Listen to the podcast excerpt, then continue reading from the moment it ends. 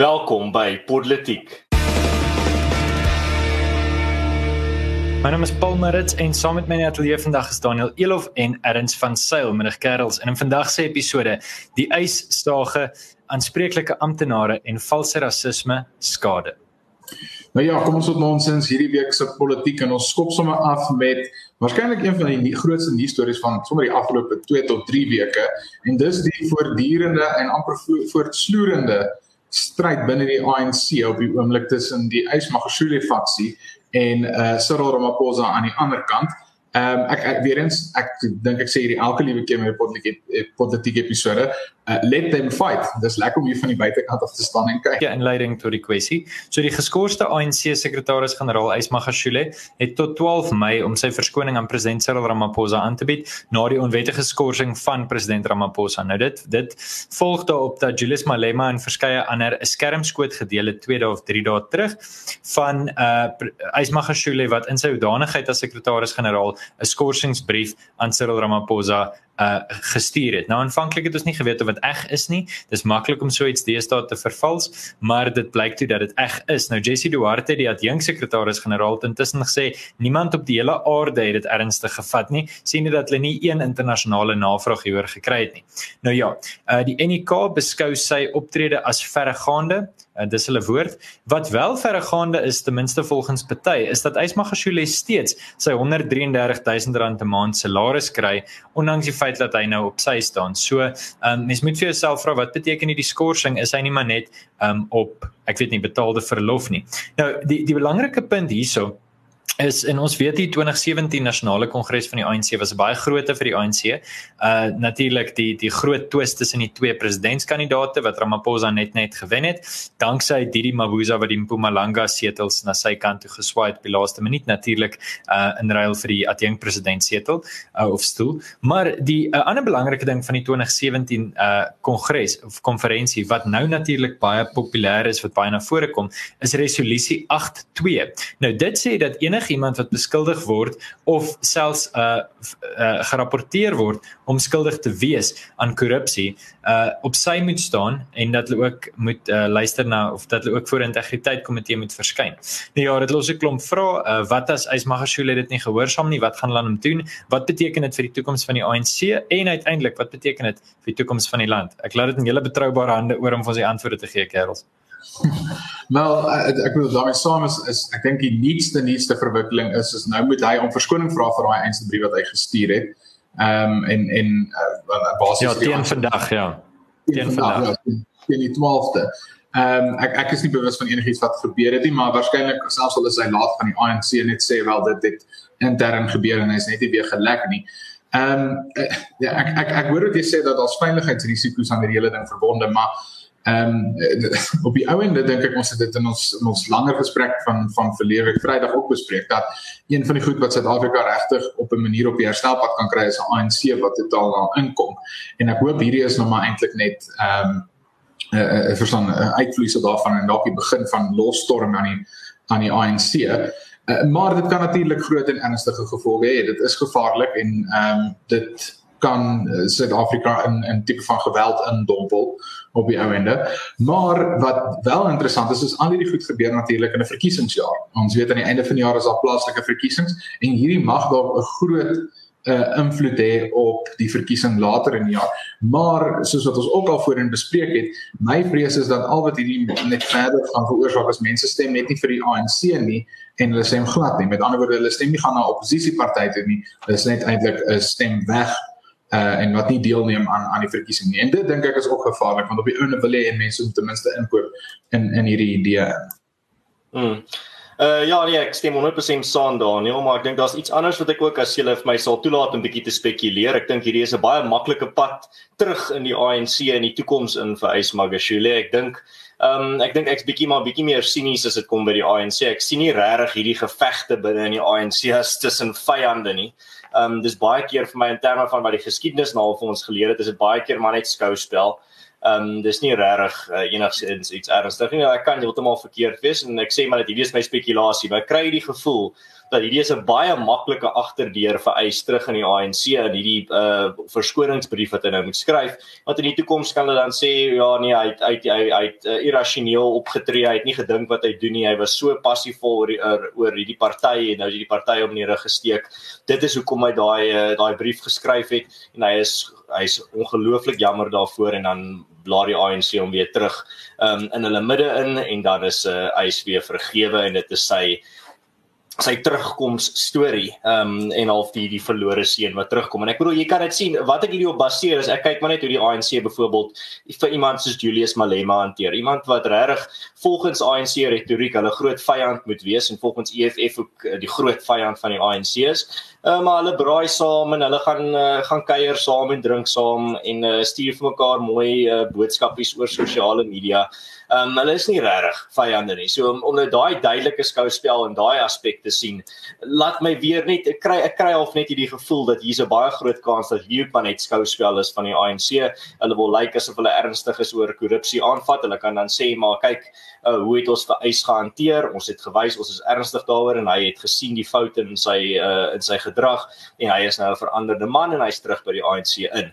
Um, En net 'n laaste gedagte hierso oor die die faksies binne in die ANC. Ek dink dit is en ek dink ek het dit op die op Vrydag se episode gesê. Ek dink ek of in 'n vorige episode dit is nie ek dink nie daar's enigsins enige nut om te stem vir die die minder van die twee ewels van die twee faksies in die ANC. Nie altyd van hulle stem baie meer saam oor oor, oor baie meer saam as wat hulle oor verskil.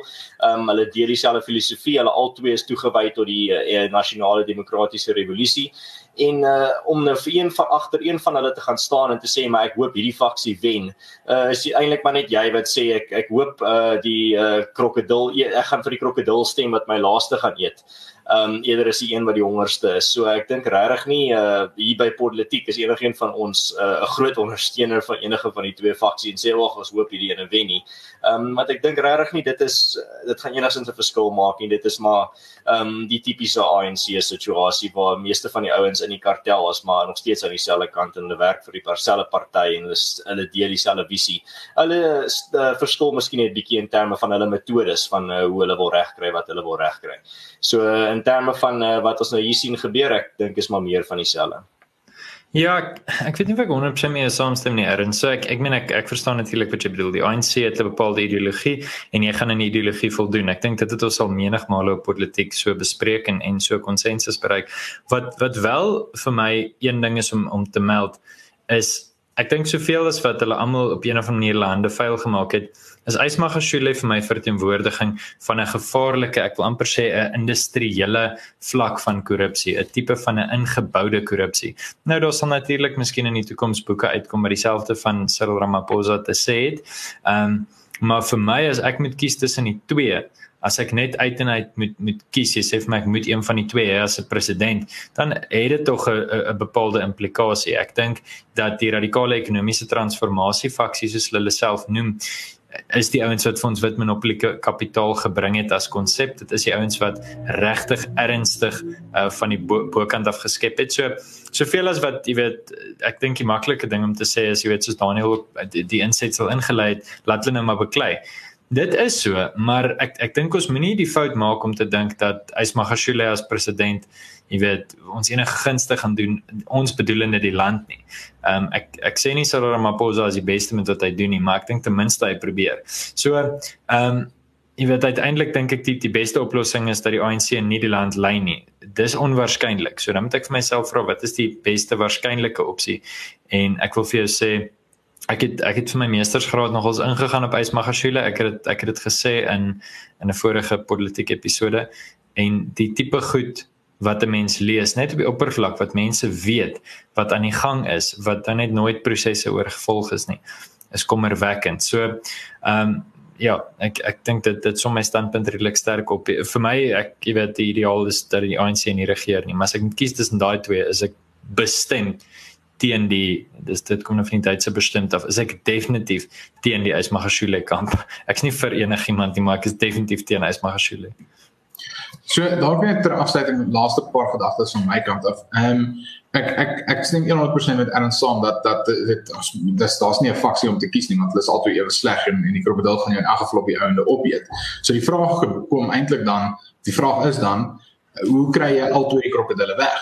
En een van die maniere om dit te doen is is dink ek wel deur hierdie tipe faksionele stryde. As as ons onthou 13 jaar terug het daar 'n baie bekende ANC jeugleier deur 'n soortgelyke 'n uh, situasie gaan ook redelik teen sy sy base opgestaan en hy het toe gegaan en 'n party gestig wat wat afgestig het van die ANC en die ANC se se mag weggevat het. Maar as mens dan natuurlik holisties gaan kyk, uh, is die stemme EFF uh, net eenvoudig grootlik saam met die ANC. Hulle gee hulle maar net so 'n bietjie moeilikheid hier en daar.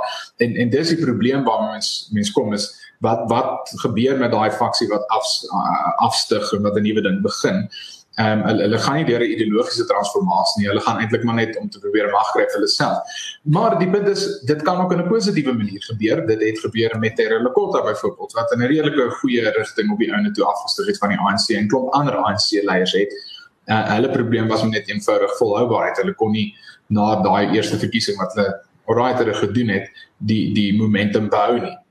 So eh, die punt is as ek net kan opsom dat daar's eh, hierdie tipe stryde 'n geleentheid. Ehm uh, dit gaan net oor of daai geleentheid op die einde positief of negatief uh, vir die land op die einde gaan uitspeel. En op die oomblik is dit te vroeg om te sê want ons is nog redelik in in die inleidende hoofstukke van van hierdie drama binne die ANC.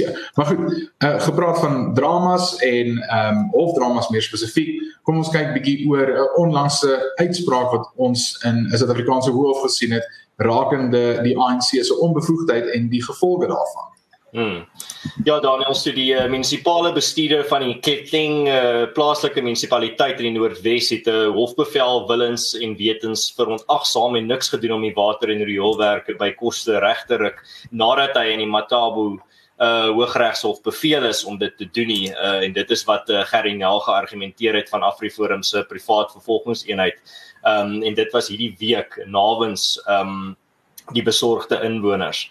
So en uh hierdie is 'n ek dink 'n baie groot uh verwikkeling in terme van wel um, munisipaliteite wat uh, aanspreeklik gehou word want oral ons kan nie aan die een kant ja ehm um, die die gemeenskap moet uh die uh, die verval van die regering teenwerk deur selfdienste en goed te lewer vir homself. Maar dan terselfdertyd uh, is daar 'n tweede arm van hierdie strategie en dit is ook om die uh, die onbevoegde uh, munisipaliteite en die korrupte munisipaliteite aanspreeklik te hou. En ek dink hierdie saak spesifiek um, is is een stap in daai rigting. So dit is 'n uh, baie is baie welkom dat dit gebeur. Ek hoop meer van dit gebeur in die toekoms. Ek weet Afriforum gaan meer sulke veldtogte doen en meer sulke sake aanvat.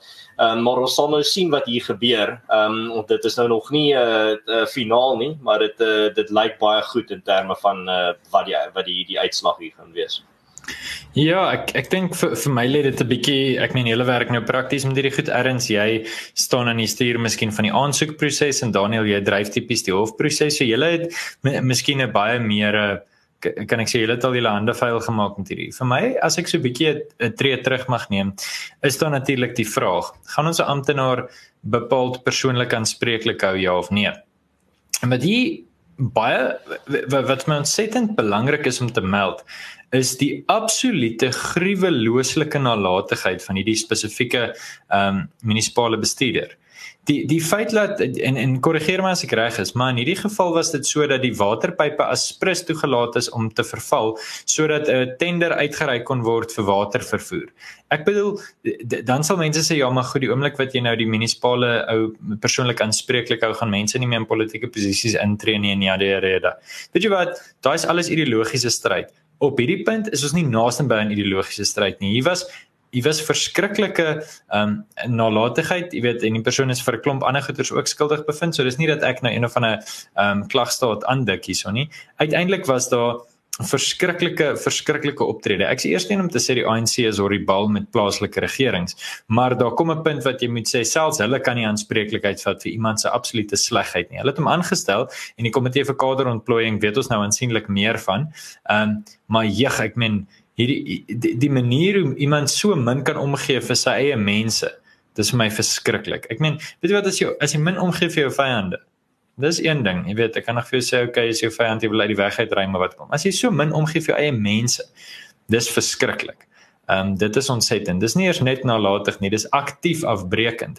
So mense sou eintlik die die klagstaat 'n bietjie kon aandik en hopelik as julle twee ouens nou in die toekoms voor die regter staan dan sê hulle vir die regter, ja, Paul Marit sê jy, jy moet hom sommer verander goed ook.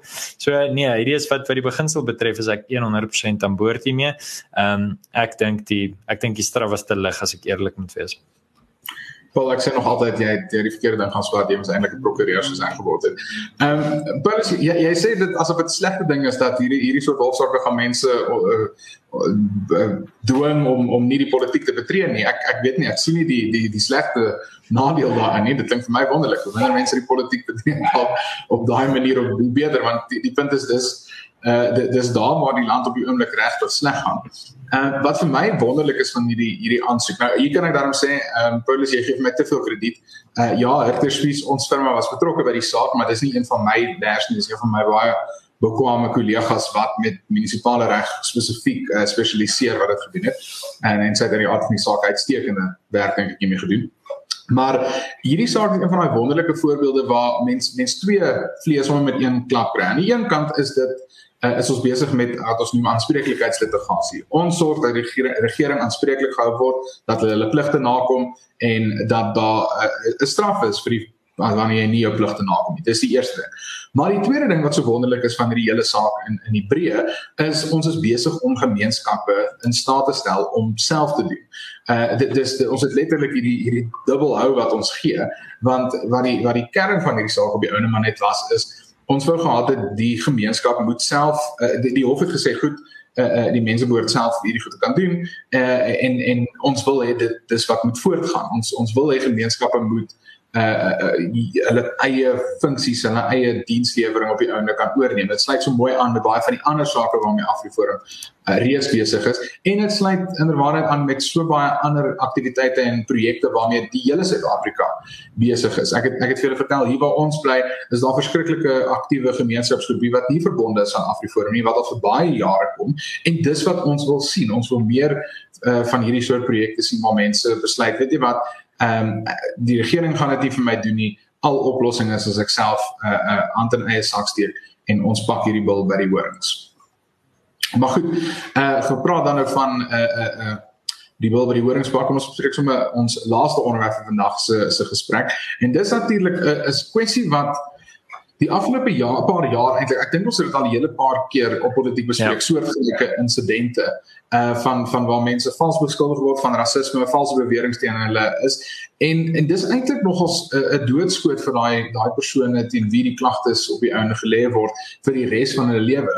Ehm um, interessant is ook nie iets wat ek dink ons net hier in in Suid-Afrika sien nie. Dit gebeur redelik oor die wêreld uh waar die die die net uh, die blote bewering is amper genoeg om 'n mense lewe absoluut te ruïneer, maar tog sien ons dat mense is besig om terug te veg oor die hele wêreld heen, maar meer spesifiek natuurlik ook hier in Suid-Afrika.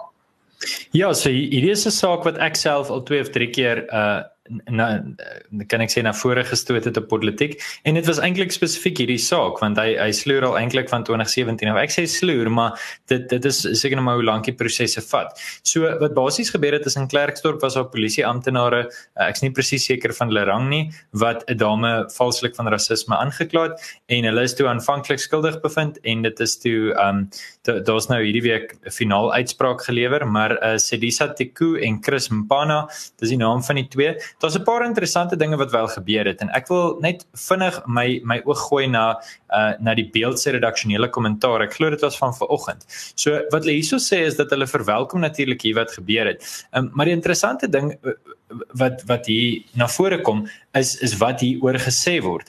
Die die punt vir die beeld maak is hulle sê sogenaamde beweerde rasisme het 'n dekmantel geword vir misdadigers wat uitgevang word of mense wat soms uit hul diepte in 'n pos geplaas word en dan word die raskaart gespeel. Nou ten eerste weet ek nie of die beeld 5 jaar terug, jy weet, so ietsie sou publiseer nie. So geluk aan hulle om regtig openlik te sê maar die raskaart word gespeel. Ehm um, en en veral waar iemand sonder die bevoegdheid in 'n pos ingedruk is wat natuurlik ook die gevolg van kaderontplooiing is. Maar uiteindelik uh die feit dat iemand skuldig bevind is, die feit dat mense werklik waar aan die pen moes ry vir sodanige optrede.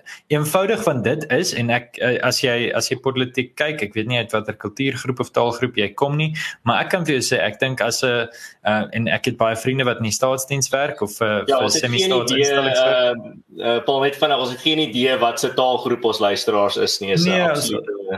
Nee, ja, goed, ons Wel daar daar is seker heel wat wat wat so 'n bietjie met die Afrikaans saam luister. Ons het al baie kommentaar gekry van mense wat sê hulle gebruik politiek om Afrikaans te leer. Maar goed, kom ek stel dit so. Ehm um, ons weet wat se taal jy kan verstaan, maar in terme van kultuurgroep wil ek nie aannames maak nie, maar laat ek dit sê. Ek het baie vriende wat werk vir die staat of vir semi-staatsinstellings en een van jou grootste vrese as jy werk vir 'n Eskom of 'n Transnet of 'n Sasol of wat ook al is dat iemand vir jou van rasisme beskuldig. Dit is 'n klag wat jy jy kan jouself jy's dadelik die aanname is daai jy's skuldig. Hoekom? Want wel jy's dis jou geskiedenis, jy's Jan van Riebeeck se kind, jy's mos dit dis en en jy kan niks sê teen nie. En ewe skielik is daar net 'n bietjie weerstand wat sê hierdie is mos nonsens. Ons gaan dit nie vat nie. Dis nie waar nie. Ek's nie grootgemaak as as 'n rasis nie. Jy het pleinweg nie jou werk gedoen nie. Jy dit niks meer ras uit te waai nie. Ehm um, en hopelik, jy weet, die die uit, die uiteinde hiervan as ek dit so 'n bietjie in 'n in 'n Hegeliaanse filosofiese perspektief kan sien. Hier gaan nou 'n terugswaai kom. Hopelik kry ons 'n middelgrond waar mense net kan sê, luister, ek mag jou kritiseer op grond van slegte werk gedoen sonder dat my ras of jou ras enigiets te doen hoef te hê met die gesprek, sodat ons kan aangaan met ons lewens, dat ons hard kan werk in 'n vrye mark-ekonomie suksesvol kan maak en normaliteit kan bewerk. En en hierdie is die enigste manier om dit reg te kry. Ja. Nee, absoluut Paul. Niks anders ook uh, en, en dis jammer dat ek hierdie weer moet uh eintlik weer moet herhaal. Ek het dit al op vorige episode gesê en in van my meningsstukke, maar dit is iets wat nog steeds ek dink dit moet in amper elke episode wat oor hierdie onderwerp gaan gesê word en dit is as jy ooit ehm um, beskuldig word van rasisme en jy is hierso die die slagoffer en jy weet jy was nie rassisties nie, jy weet dis nie wat jy is nie, jy weet wie jy is en jy weet wat jy gesê het of wat jy gedoen het of nie gedoen het en nie gesê het nie. Ehm um, dan moet jy nie glad nie enigsins uh, vir hierdie mense tyd van die tyd van die dag en jy moet sterk staan, jy moet regtig uh, jou agter jou skild van selfrespek gaan staan en agter jou skild van die waarheid. Ek dink regtig uh maar mense raak nou moeg daarvoor en die laaste ding wat jy moet doen as jy weet jy's onskuldig, die laaste ding wat jy moet doen is dan jammer sê. Um en dan op die ou en dan bevestig dit nou in die in die uh, in hierdie saak dat jy was skuldig uh, of was jy nie eintlik nie. So ek dink uh, mense moet begin regtig begin opstaan hier teen en sê nee. Uh dit is eintlik jy kan dit so sien. In Suid-Afrika is om 'n rasis te wees uh dieselfde as om 'n krimineel te wees. Ons het dit gesien met die Wiki Momber saak waar as jy skuldig bevind word van rasisme, kan jy tronk toe gaan. Dit is nou daar as hulle gevalle studie hiervoor. En dus as iemand vir jou 'n rasis noem en jy is onskuldig, dan moet jy dit hanteer asof dit iemand is wat vir jou 'n verkragter genoem het of 'n moordenaar genoem het of 'n dief genoem het of enige ander ernstige misdaad wat vir jou in die tronk kan laat beland want dit is wat hulle sê jy is. Hulle noem jou 'n misdadiger en hulle wil hê jy moet tronk toe gaan vir dit. So as jy enigsins die slagoffer is van sulke valse beskuldigings, dan moet jy dit heel eerstens hanteer soos 'n valse beskuldiging van 'n ernstige misdaad soos 'n moord pleeg byvoorbeeld. Ek dink regtig dit is iets dit is die soort uh, lens waardeur mense hierdie soort beskuldigings moet begin sien. En as jy byvoorbeeld in 'n in 'n situasie is, ek praat nou nie van in 'n werksituasie net in 'n gesprek met iemand wat jou 'n rasis noem, dan moet jy vir hulle sê, wel, in Suid-Afrika is dit 'n baie ernstige uh, aantuiging, dis 'n baie ernstige etiket wat jy op my sit, dis 'n kriminele etiket wat op jy wat jy op my sit. Ek verwag dat jy kan bewys dat hierdie waar is en vir my bewyse kan gee dat ek uh, 'n konkrete bewyse gee dat ek 'n rasis is en as jy nie dit gedoen het nie, dan moet jy op die plek nou vir my uh, onverskoning vra want wat jy hierson doen is jy noem my 'n krimineel. So ek dink mense moet hierdie soort aantuiging beskuldigings en nie so beskuldigings baie ernstiger opvat en baie meer in hulle reaksie baie meer passiefvol en 'n uh, uh, sterker teenstand teen dit neem as dit as hierdie soort uh, etikette na hulle toe gegooi word. Moet dit nie net aflag nie, jy moet regtig dit ernstig vat en sê, gee vir my bewyse of gaan vlieg. En dit is wat ons moet sien met hierdie goed en ek dink ons gaan baie meer sulke gevalle begin sien van mense wat net sê dis nou genoeg van hierdie. Dit is 'n baie ernstige beskuldiging wat jy daar maak en jy beter bewyse het. En as ek ek stem 100% met jou saam. Ek het al 'n paar insidente gehad waar mense hierdie klagtes teen hulle gehad het en dan my, my eerste stap is ek stuur 'n aanmaningsbrief aan aan die persoon wat hierdie valse beweringe maak om vir hulle te sê jy is besig om die reputasie van my kliënt hierso absoluut te beswader en dit het weet tasbare uh, tasbare delik dit, dit tasbare skade wat dit op die einde veroorsaak. Ehm um, en en dis letterlik al maniere hoe jy dit gaan terugveg is om om letterlik net soos ek vroeër gesê het die bil by die horings te pak. Ek ek wil net twee opmerkings daar maak en en hierdie kom eenvoudig uit my ervaring uit met soortgelyke insidente wat nou niks te doen met hierdie hierdie een waarmee jy hele betrokke was in Paul, maar ehm um, die die wat die probleem hiermee is is wat ook baie keer gebeur is jou werkgewer beskerm die mense. Hulle hulle besluit, "Wel weet jy wat, ons gaan stand inneem. Ons gaan hierdie mense net uh, uh, 100% soos in Engels sê uh, throw them in front of the bus nie." Um, en hulle gaan by hulle staan. Wat dan gebeur is dan kom vakbonde, vakbonde wat nie solidariteit is nie. En en uh letterlik begin fabrieke afbrand deurdat hulle weier om hierdie mense af te dank vir hulle beweerde rasisme. Uh en in daai geval dink ek mense moet weer eens presies uh, soos wat hulle sê in Engels fight fire with fire. Jy moet hulle absoluut aanpak en jy moet net geen geen, geen glad nie hierdie soort geweld uh, duld nie want die punt is as jy eers klein bietjie uh, hulle tegemoet kom as jy net op een plek 'n uh, bietjie gee, dan gaan dan sit net die sluise van daar af ongelukkig is is 100% oop. Ja, miskien 'n laaste gedagte vir my of uh, jy's op daai punt van eh, 'n uh, beginsel. Dr Pieter Mulder het vertel dat jy weet 'n boer wat 2% van sy plaas weggee, besef nie dit gaan nie oor 2% of 100% nie, dit gaan oor die laaste deel van die sin en dit is die beginsel, dis die plaas weggee deel van dit. En is dieselfde hierso, as jy gaan toelaat dat 'n valse beskuldiging jou maatskappy op horings neem, dan gaan dit absoluut deel van die institusionele kultuur word en dit kan definitief nie. Nou ja, ons uh, gaan so 'n bietjie oor oor die water kyk na ons internasionale segment en uh die van julle wat die nuus dophou sal sien dat daar weer eens geweld ontvlam het uh in aan die aan die weste kant van die Jordaanrivier en daar is al geweld vir die beste deel van 4000 jaar. So dit dit is 'n 'n repeterende tema, maar dit is nou terug met uh soos die Engels sê back with a vengeance is is terug met mening.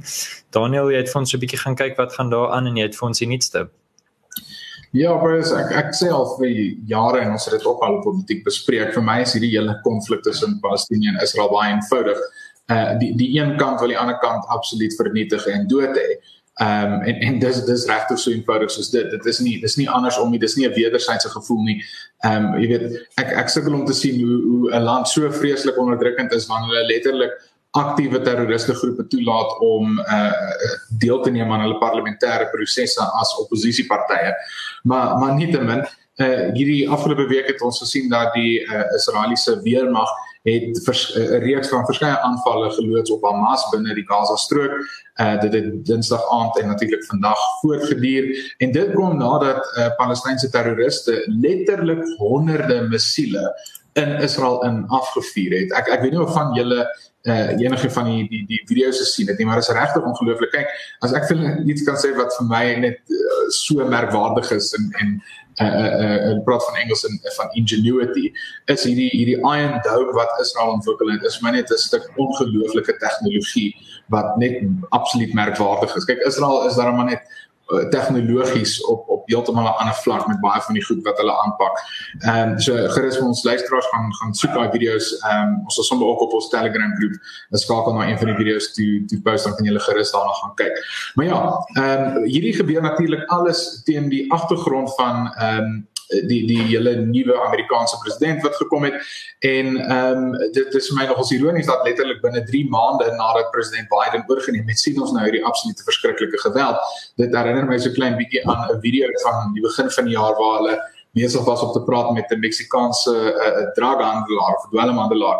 En hulle vra toe vir hom hoe gaan dit met hoe gaan dit met hom op die oomblik? Sê nee sedert uh, Joe Biden president geword het gaan dit goed met besigheid. Nee. so um, ek voel dis hoe die die Palestynë op die oomblik voel is. Hulle voel nie wel sedert Joe Biden nie is is dan eweslik aansienlik meer geleenthede vir ons om om uh, uh, reg aggressief op te tree.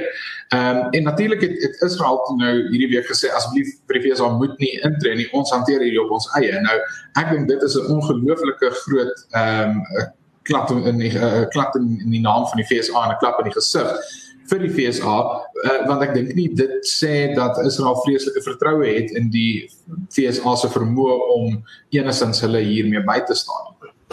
Ja, ehm um, ek dink nogal net 'n uh, meer abstrakte ding wat ek dink ook miskien net 'n hoek wat ons hier op moet bespreek. Ek sal graag jou gedagtes ook hier hoor wil, wil hoor Paul is. Kom ons vergeet nou eers van die die terroriste organisasies en die regering en al die ander politiek rondom. Net as kyk net na die die breër prentjie in terme van twee kultuurgroepe uh, wat nou soos jy self gesê het Daniel vir die goeie deel van 3000 of 4000 jaar al met mekaar beklei. Ehm um, wat ons hierso sien en en wat baie mense nie verstaan nie is ek dink nie daar's een van die kultuurgroepe ek dink nie dit is so maklik om te sê dit is goeie ouens teen slegte ouens. Soos ek sê vergeet nie eers van die terroriste organisasies alles ons kyk net na die groter historiese prentjie. Ehm um, wat ons eintlik maar net hier sien oor die die honderde en duisende jare is een kultuurgroep wat sy eie kant kies en een kultuurgroep wat sy eie kant kies en jy gaan nooit die een kultuurgroep kan ooreed om nie meer sy eie kant te kies nie. Dis maar net menslike geaardheid, dis hoe die mense nog altyd was. En ek dink dit is een van die elemente wat ons hier baie sterk na vore toe kom en dit is nie asof die die uh, Palestynë en Israeliete ehm um, geveg enigsins uniek is nie. Ehm um, dit is 'n 'n soort geveg wat dit is 'n soort uh, geve, uh, geveg of friksie wat ons al in ander dele van die wêreld ook sien tussen sekere lande ek bedoel jy kan dit sien tussen die uh, Japaneese en die Chinese um, twee lande ook of twee groepe wat en kulture wat ook mekaar al haat vir vir duisende jare. Um, en ek dink iets wat jy reg oor die wêreld sien. So ek dink uh, die groter gesprekspunt hier wat ek sal graag wil hê meer mense moet aan aandag gee is hierdie menslike natuur van kultuurgroepe wat hulle eie kant kies en dit dit gaan vir jou ook bietjie beter verduidelik hoekom dit nie so maklik is om 'n kompromie tussen die twee groepe te kry nie want as jy twee groepe het wat histories mekaar so vyandig is teenoor mekaar is enige kompromie sal vir enigiemand van die twee kante as 'n 'n 'n klap in die gesig wees of hulle sal sien dit is te ver gevat. Ehm um, en ek dink dit is nogal 'n belangrike net 'n tema en 'n meer abstrakte idee om te bespreek vir die toekoms in terme van enige interkultuur of uh, konflik soos hierdie en iets wat mense in, in op die kontinent van Afrika ook baie sien net in 'n bietjie kleiner skaal partykeer. Ja, so ehm um, dis eintlik baie interessant erns ek ek het ek en jy studeer dieselfde rigting die politiek filosofie en ekonomie kombinasie. Ehm um, waar jy onlangs my meestersgraad klaar gemaak het en ek het ons nou maar oorgeskakel van teologie af so al die teologie doen ek ook nog steeds maar in elk geval die, die punt is een van die interessantste goed in die politieke filosofie op hierdie stadium is hierdie kompromie teorie. So jy het in 2009 'n boek deur juist deur kyk baie van die kompromie teorie teks word op hierdie stadium deur Joodse professore in Jerusalem geskryf. Wat hulle sê hoe gaan ons hierdie ding maak werk? In 2009 was daar professor Margalit, ehm um, Ashwai Margalit wat geskryf het oor hierdie hele gedagte van hoe kan jy 'n kompromis maak wat albei kante mee saamstem. Ehm um, en en dit daar's baie diep filosofie mens kan baie lank hieroor praat. Maar so dis my baie interessante vraag, jy weet, want in 'n sekere sin hierdie mense moet met mekaar saamwerk. Daar is 'n geografiese realiteit. En ons weet Bill Clinton het 'n het 'n ooreenkoms op die tafel gehad wat reeds deur Israel geteken is wat toe neder neder Palestina geteken is nie. En stelselmatig lyk dit in elk geval net asof die Israeliete aangaan om hulle realiteit vir hulle self te skep. Ek dink jy het dit reggestel, daar is nie um good guys and bad guys nie. Dit is nie polisie en misdadigers of of so 'n tipe binêre beskouing nie. Dit is gewoon so dat elke groep sy eie kant kies ten koste van die ander groep. Um en jy weet wat is die antwoord op dit? Wel die antwoord gaan wees dat daar jy weet uiteindelik dis dis 'n ding wat die Universiteit van Chicago in 'n studie bevind het, mag is dit wat 'n kompromie in stand hou. Ehm um, hoe gaan die Afrikaner die 96 grondwet in stand hou? Wel hy gaan instellings moet bou om te beskerm. En vir die vir die Palestynë en die Israeliete is dit nie anders nie. Die Palestynë het wel baie minder mag binne in hulle eie uh, binne in hulle eie instellings, maar hulle het aansienlik meer mag in terme van internasionale ondersteuning. Veral as jy in ag neem dat die Israeliete se grootste bondgenoot Donald Trump en Jared Kushner was en dit lyk asof Biden nie regtig so sterk wil standpunt inneem hieroor nie. Ek weet nie hoekom nie. Dit maak nie sin nie. Histories was demokrate en republikeine groot ondersteuners van Israel gewees, juis omdat hulle demokratiese beginsels nastreef en dis meer. Nou ja, ons sal ons sal hieroor lank kan praat. Ek ek weet ek ek myself keer voordat ek nou te diep op die akademie ingaan. Wat vir my hierso net interessant is is ten eerste die die lengtes Daniel wat jy gesê het wat die Israeliete gaan om hulle self te beskerm. En dan hierdie gedagte uh, iets wat Benjamin Netanyahu gesê het in 2017 of 18 wat my bybly. Hy het gesê as die Palestynë wapens neerlê sal daar nie oorlog wees nie. As die Israeliete wapens neerlê sal daar nie Israel wees nie. En uh, ek weet nie of hy reg is nie maar uh, dit is iets om ten minste twee keer oor te dink Hmm. Paulus, hoor hoor. Nou ja, dit bring ons aan die einde van vandag se episode. Baie dankie vir almal wat ingeskakel het en wat plus getrou elke week politiek luister. As jy hou van wat ons hier doen, klik op die subscribe knoppie uh hier op op YouTube of op wat ook al se podsending toepassing jy politiek elke week luister. Ons nooi jou as luisteraar natuurlik uit om verder saam met ons te ontnonsens uit die gesprek voer in die kommentaarafdeling. Dankie vir almal wat altyd ook regstreeks saam met ons hierdie gesprekke voer en ook vir al die mense wat uh redelik instroom by ons Telegram groep. Dis vir ons heerlik om saam met julle elke week die week se grootste nuus te ontnonsens. Ons sien julle dan almal natuurlik volgende week.